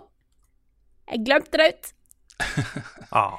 Så jeg skal prøve å huske på det neste gang vi har taco. Det er jo titt og stadig. Så skal jeg prøve å huske å teste, teste dette. Så skal jeg eh, komme med tilbakemelding. Jeg tror det funker helt greit. Det er min eh, hypotese. Internett krever det, Frida. Ja, jeg Ja. vet dette her, så nå, nå blir det Neste gang vi har taco, skal jeg putte litt eh, potetgull og chips oppi, som ikke er tortillachips, da, men ordentlig potetgull. Mm. Ja, det må være det, for det Ja. tortillachips blir for, det blir for vanlig. Ja, det er akkurat det, så derfor det er Too liksom real. Ja. Too real. Potetchips skal oppi den tacoen. Jeg, skal, jeg vet ikke helt hvor mye som trengs for å teste på en måte effekten av potetchips i tacoen, men eh, jeg skal poser. prøve meg fram. To poser, ja. To poser. Yes, det blir eh, spennende. Mm. Yes. Og uka etter så kan du prøve popkorn i tomatsuppe. OK! Bare eskalere det. ja. Mm. Sånn det funker på internett. ja. Og så må jeg teste om hvor godt det er med ris i tillegg. Det er vel det Ja. internett har lært meg. Mm. Nei, eh, ja men, Ris og seigmenn. Sånn generelt, eller i tillegg til tomatsuppa? Eller Ja, gjerne, gjerne begge samtidig. Ja, OK. Mm. Ja. Tomatsuppe med popkorn og ris med seigmenn. Ja, ja. nei, jeg tror jeg eh, går videre her til neste spørsmål her. Og ganske lettbeint spørsmål her fra Jostein Rajesh Jostein Rajesh Rajesh Johnsen. Faen, det var vanskelig i dag. Eh. Som spør Jeg did it. Som spør bare ha vær på 30 minusgrader, eller bare ha vær på 30 plussgrader. Det er så vanskelig. Ja, den fordi er kjip, altså. Jeg liker ikke varm sommer i det hele tatt. Men 30 minus er jo ganske bad. Det som er dumt med 30 minus, er at du blir låst innendørs. Altså, det er ikke så fett å være ute mer enn i ti minutter når det er så kaldt. Mm. Nå ser jeg nå er det jo eh, effektivt eh, 46 minus i Chicago eh, om dagen. det er liksom, jeg, jeg har vært i Chicago når det var kaldt, altså, og det er, eh, det, er, det er faktisk mye verre når det er kaldt i en storby enn Mm. når det er kaldt ute på landet, liksom. Eller på fjellet, Mm. eller ja. Det er det. Men, det- men det er pyton, fordi eh, du blir låst innendørs. Og selv om jeg hater 30 pluss også, så kan man jo i hvert fall gå og bade, da. Eller stikke og ta en utepils, eller uh, et eller annet, liksom. Jeg har Problemet mitt er når det er 30 plussgrader. Eh, nei, OK, ta 30 minusgrader først, da. Så er det ubehagelig å være ute, men det er komfortabelt å være inne. Hvis det er 30 pluss, så er det fælt uansett hvor du er. Det er Ja. også sant. Mm. Men, eh, men hvis du kjøper en sånn her stygg aircondition og bare lar den blaste, så, så kan du liksom Du kan fikse det litt. Ja, men jeg lurer på om kanskje dilemmaet her uh, impliserer at uh, det ikke er lov. Altså Det må være 30 grader overalt, da, inkludert hjemme. Men Hvis det er 30 også minusgrader minus? inne òg, da. Ja. Ja, det sant? gjør det kanskje ikke, da. Nei. Nei. Ok, ja, Så må jeg akseptere det, så må man kunne akseptere en aircondition. Ja, ok, jeg er med på det. Jeg er med på det. Ja, ok, ok. Det kan være en del av dilemmaet. Mm. Fordi eh, Men jeg har en, jeg har en ting til som jeg tenker på. Og det er når det er vinter, der hvor jeg bor nå, så har jeg en radiator som lager sånne jævla dryppelyder. Mm. Og uansett hva jeg gjør, uansett hvor mye jeg lufter den, og sånn, så blir ikke de dryppelydene borte, og jeg blir gæren av de. Så det er faktisk grunn nok til å ikke velge 30 minus. Mm. Nei, jeg må det stride mot uh, alt jeg er, men jeg må også velge å, at det skal være varmt. Mm. For, for varmt. Hadde det vært ti 10 minus, så hadde jeg kanskje valgt det. Ja, vet du hva, ti minus hadde vært greit. Da kunne man stått på ski hele året og sånt. Det hadde vært gøy, da. Jeg har hatt ti minus jeg, i to uker nå. Mm. Ja. Nå er, I dag er det null grader. Jeg er veldig spent på hvordan det går, for nå har det vært Det har jo For to uker siden kom det 40 cm snø. Og hvis det nå blir varmt, og så blir det kaldt igjen, så blir Ja. det bare ishelvete. Folket. Mhm. Så det blir, eh, det blir spennende. Mm. Not good. Jeg tror jeg hadde valgt eh, 30 minus, for jeg er så sjukt misfornøyd når det er varmt. Ja, jeg blir Får dårlig humør av det, altså. Ja. Det er liksom Jeg blir sliten av alt Nei, det, det Ja. Og jeg er jo mest komfortabel i skyggen uansett, så jeg går for 30 minus. Mm. Jeg liker å tenke da, at hvis det hadde vært 30 pluss i Norge hele året, så hadde Norge satsa mye mer på sånn bra aircondition. sånn som de gjør i USA. At du får jo ikke Ja. en leilighet uten aircondition, ikke sant? Nei, det er sant det. Så kanskje det hadde blitt sånn. Ja. Og da hadde vi klart å leve med det. Ja da, folk eh, klarer jo å leve med det. Ja. Det gjør de jo eh, over hele verden. Ikke over hele verden, men over deler av verden. Så eh, det er mulig, og 30 minus også er, det er Begge deler er mulig, da. Jeg, jeg, liker, jeg liker temperaturene der. Det er liksom helt på grensen til hva som er greit, men det er fortsatt innafor. Folk har det sånn, ikke sant, rundt omkring. Ja, Men 30 minus, det er ganske bad, da. Ja, det er for mye. Det er litt for mye. Jeg føler sånn Den, den kalde motpolen til 30 pluss føler jeg er sånn 10-15 minus. Ja. Ja, vet du hva, det er jeg faktisk enig med deg, Karl. Ja. Ja. Det går på uh, eh, Varme og kulde er ikke veldig sånn skalerbart lineært opp og ned, rundt null. Nei. Uh, Nei. det går òg på energien som krever for å få ting opp til 200 grader. Det er null stress. Da har vi jo en Hvem som helst stekeovn kommer nesten opp til 300 grader. Det er ingen her som har en fryser som går ned til minus 200. Nei. Det fins ingen fryser i verden som går ned til minus 300. Mm, For det er utenfor hva som er fysisk mulig. nettopp. Yes. Den beste Så- temperaturen er rundt 20. Ja. Ja, par og 20. 22 er perfect. Ja. Yes. Nei, skal vi ta neste spørsmål? Har dere noe på lager? Det kom så mange bra spørsmål denne uka her, så jeg har notert en hel haug. Ja, jeg òg. ja. Så kjør på. Rune, vær så god. Ja, eh, jeg har lyst til å ta et her fra eh, Jan Martin Pettersen. Rett og slett fordi det pirker litt i eh, Ikke et hull, da, men det er i hvert fall verdt å nevne det. Um, han skriver Ved lansering av Red Dead måtte jeg som PC-gamer krype til korset og få meg en konsoll. Fikk tak i en Xbox One veldig rimelig. Måtte selvsagt nå som jeg har konsollen, sjekke ut det den har å tilby. Og nå, to måneder seinere, er jeg både eh, GamePass-medlem Game og Gold-medlem. PC-en samler støv. Mitt spørsmål er som følger Hvorfor dekker dere ikke Xbox bedre? Har ingen i redaksjonen konsollen? Jeg synes det er litt stort fokus på PlayStation framfor Xbox, noe som er forståelig med tanke på exclusives, men skulle ønske dere dekket mer av hva Xbox har å by på. Eh, Spesielt i form av GamePass og andre tjenester. Dette er ikke kritikk, for jeg elsker det dere gjør, bare et ønske. Um, jeg bare nevner det fordi eh, jeg føler jo da at eh, selv om vi ikke spiller så mye på Xbox, fordi mange av de multiplattformtingene enten spiller vi på PC eller PlayStation, og at ikke det har kommet så mange gode exclusives, gjør at vi liksom ikke snakker så mye om Xbox i det daglige. Men jeg føler jo at vi har vært ganske flinke til å snakke om uh, de tjenestene som han nevner, uh, særlig GamePass, da, som har blitt innmari bra, som vi har nevnt flere ganger, i, i hvert fall i den podkasten her. Um, så uh, ja. Eh, svaret er vel egentlig lag bedre exclusives Microsoft, så er det, det, vi har ikke noe mot Xbox. Nei. Nei, vi har jo en Xbox. Jeg har en Xbox, du har en Xbox, Rune. ja, Nick har en Xbox. Ja. Mm. Og vi har jo da anmeldt de, de store tingene som kom i fjor som var eksklusivt på Xbox. Uh, State of Decay 2, uh, Forza Horizon 4, Sea of Thieves. Sea of Thieves. Alt det er jo anmeldt, har jo, har jo kommet anmeldelser. Så vi tar jo tak i det som er viktig å ta tak i. Mm. Um, Men, vi er, men det er jo riktig som han sier, at vi, vi spiller jo mer på PlayStation Ja da, vi vi gjør det. Når, vi, når vi har valget. Eh, men det det er er også fordi vi har flest eksklusive spill der, så det er det er der spillbiblioteket liksom samler seg. Da. Mm. Og så er det, Det når en først har satt opp eh, ting til opptak på én konsoll, så Ja. er det enklere å bare fortsette på den. Ikke sant. Mm. Og så er det også i tillegg, eh, ofte når vi får eh, review-kode, så får vi PlayStation-versjonen. Det er det de sender ut. Ja, det er også sant. Så um, ja, det blir litt sånn. Men vi har, jeg har overhodet også, Xbox One er en dritbra konsoll. Det eneste det mangler, er bedre uh, spillopplevelser som du bare får der. Den er liksom ikke i nærheten av PlayStation uh, foreløpig, i hvert fall. Så vi ser da om alle disse oppkjøpene Microsoft har gjort uh, i det siste, uh, kommer til å vise seg å ha en effekt da, i årene som kommer.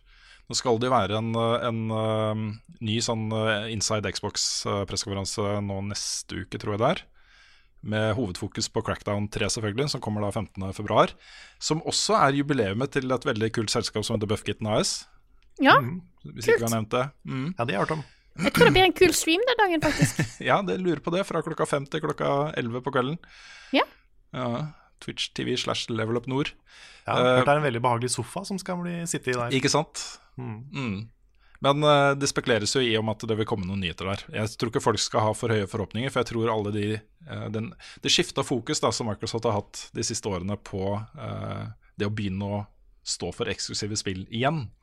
De har jo noen serier som har løpt uh, hele tiden, men de har sa fra seg masse. Um, det, det vil ta litt tid før effekten av det virkelig viser seg. Jeg tipper liksom nye Xboxen, nye konsollen, kommer til å launches med et brak. Så ja. Men han, han har i hvert fall helt rett om at Xbox GamePass er en kremtjeneste. Den er kjempebra. Masse bra spill. Og bakoverkompatibilitet med Xbox eh, 360-spill, f.eks. Det biblioteket har jo blitt megasvært nå. Da kan du bare sette inn disken. Hvis du har disken, så får du spillet digitalt på Xbox One også. Det er helt sant. Det er kjempebra. Mm. Så det må, det må Sony get on with. Yes. Ja. Det er kritikk til Sony. Mm. Skjerpings. Yes. Nei, Carl, har du et spørsmål? Ja, jeg har et spørsmål fra Martin Herfjord. Han spør i disse Kingdom Hearts-tider, hva er deres favoritt-RPG-er? Uh. Jeg går da ut fra at han snakker om RPG-spill og ikke RPG-guns. Åh, ja. Det er et godt spørsmål. ja. Er det lov å si Borderlands eller en sånn type RPG-spill? Ja, Det er jo et slags RPG, er det ikke det? jo, den Det er har jo jo mest, mest en shooter, vil jeg si, men det er jo Ja. også Nei, jeg, jeg, jeg, Destiny er kanskje mer RPG igjen. Nei, Jeg tror vi må litt over i mer sånn begge beina planta i RPG-sjangeren for at svaret blir relevant, da, kanskje. Mm.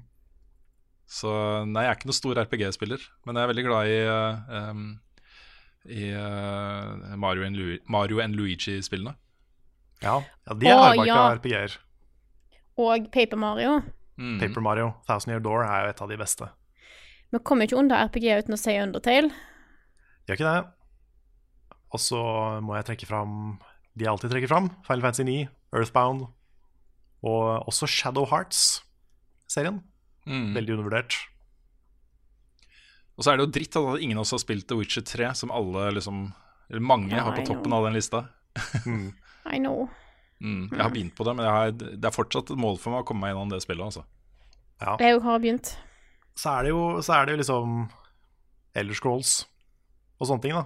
Men jeg føler eh, Altså, for meg så er Final Fantasy og de høyere, altså. Mm. Og de. Og de, ja. Og de, den gjengen der. Undertale, Earthbound, den gjengen. Mm. Mm. Det er sånn delvis relatert spørsmål. Da. Et spørsmål fra Guri Lotte Reibo Dahl, eh, som spør hva skal jeg spille når jeg har spilt meg i hjel på Dishonored, Fallout, Skyrim, Bloodborne og Nights of the Old Republic. Jeg trenger tips. Og da er det jo du en del av de tingene. Jeg har spilt Bloodborne, så er det jo da- Dark Souls, er det ikke det? Jo da, Dark Souls må jo med der. Ja. Eh, men, men også Witcher 3 og eh, Dragon Age og Ja, jeg tror, eh, jeg, jeg tror Mass Effect kunne vært en bra serie. mm, Det første er litt tungt å spille nå. Det viser sin alder. Men eh, to og tre er, er veldig bra. mm. Jeg syns i hvert fall tre også er veldig bra. Jeg er ikke en av de som var sinna på tre. Jeg kommer ikke på noe mer, egentlig. Sånn På den lista. Nei. Nei, Sitter fortsatt og tenker på beste si, RPG. Si spillet en gang til.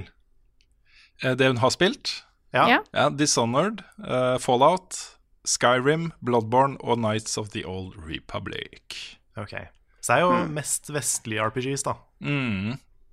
Så det er jo BioWare-katalogen. Ja, og så er det ikke alt der som er RPGs heller.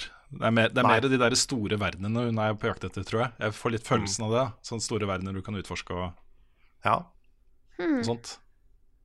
Så det går jo an å prøve seg på som f.eks. Red Dead God of War. Mm. Mm. Det er, eh, det er jo ikke helt det samme, men det er litt av det samme. Ja, ja, God of War burde jo være obligatorisk på den lista når hun har sånne spill som uh, Dishonored og Bloodborne, tenker jeg. Mm. Ja. Eller kjøpe en Switch og spille Breath of the Wild. Ja, Ja. jeg tenkte på det. Det tror jeg, ja, det tror jeg hadde digga. Mm. Mm. Det er, åh, Bare, bare kjøp en Switch. det er kanskje et, det er et av de spillene jeg savner mest spille. Breath of the Wild. Kanskje jeg skal starte det igjen en dag jeg har tid. Mm. Vi har tid til et uh, siste spørsmål før jeg må eh, gå og ha eksamen. Ja, nettopp. Yes. Um, uh, ja. Ja. Skal vi se. Ja, Bare se du over det, Rune. Ja, jeg har flere her. Uh, Hva er siste spørsmål det, i det er så press, vet du. Jeg må velge ett Jeg spørsmål. vet det! Da svarer jeg på ett eh, et kjapt et mens jeg leter.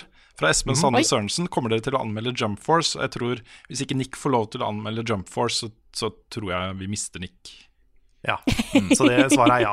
Svaret det blir definitivt Jump Force-anmeldelse. Mm. Ja. Og kanskje Jump Force Stream på den 15., som er jubileum. Det level up. kan Oi, sier du da? jubileumsstream. Ja.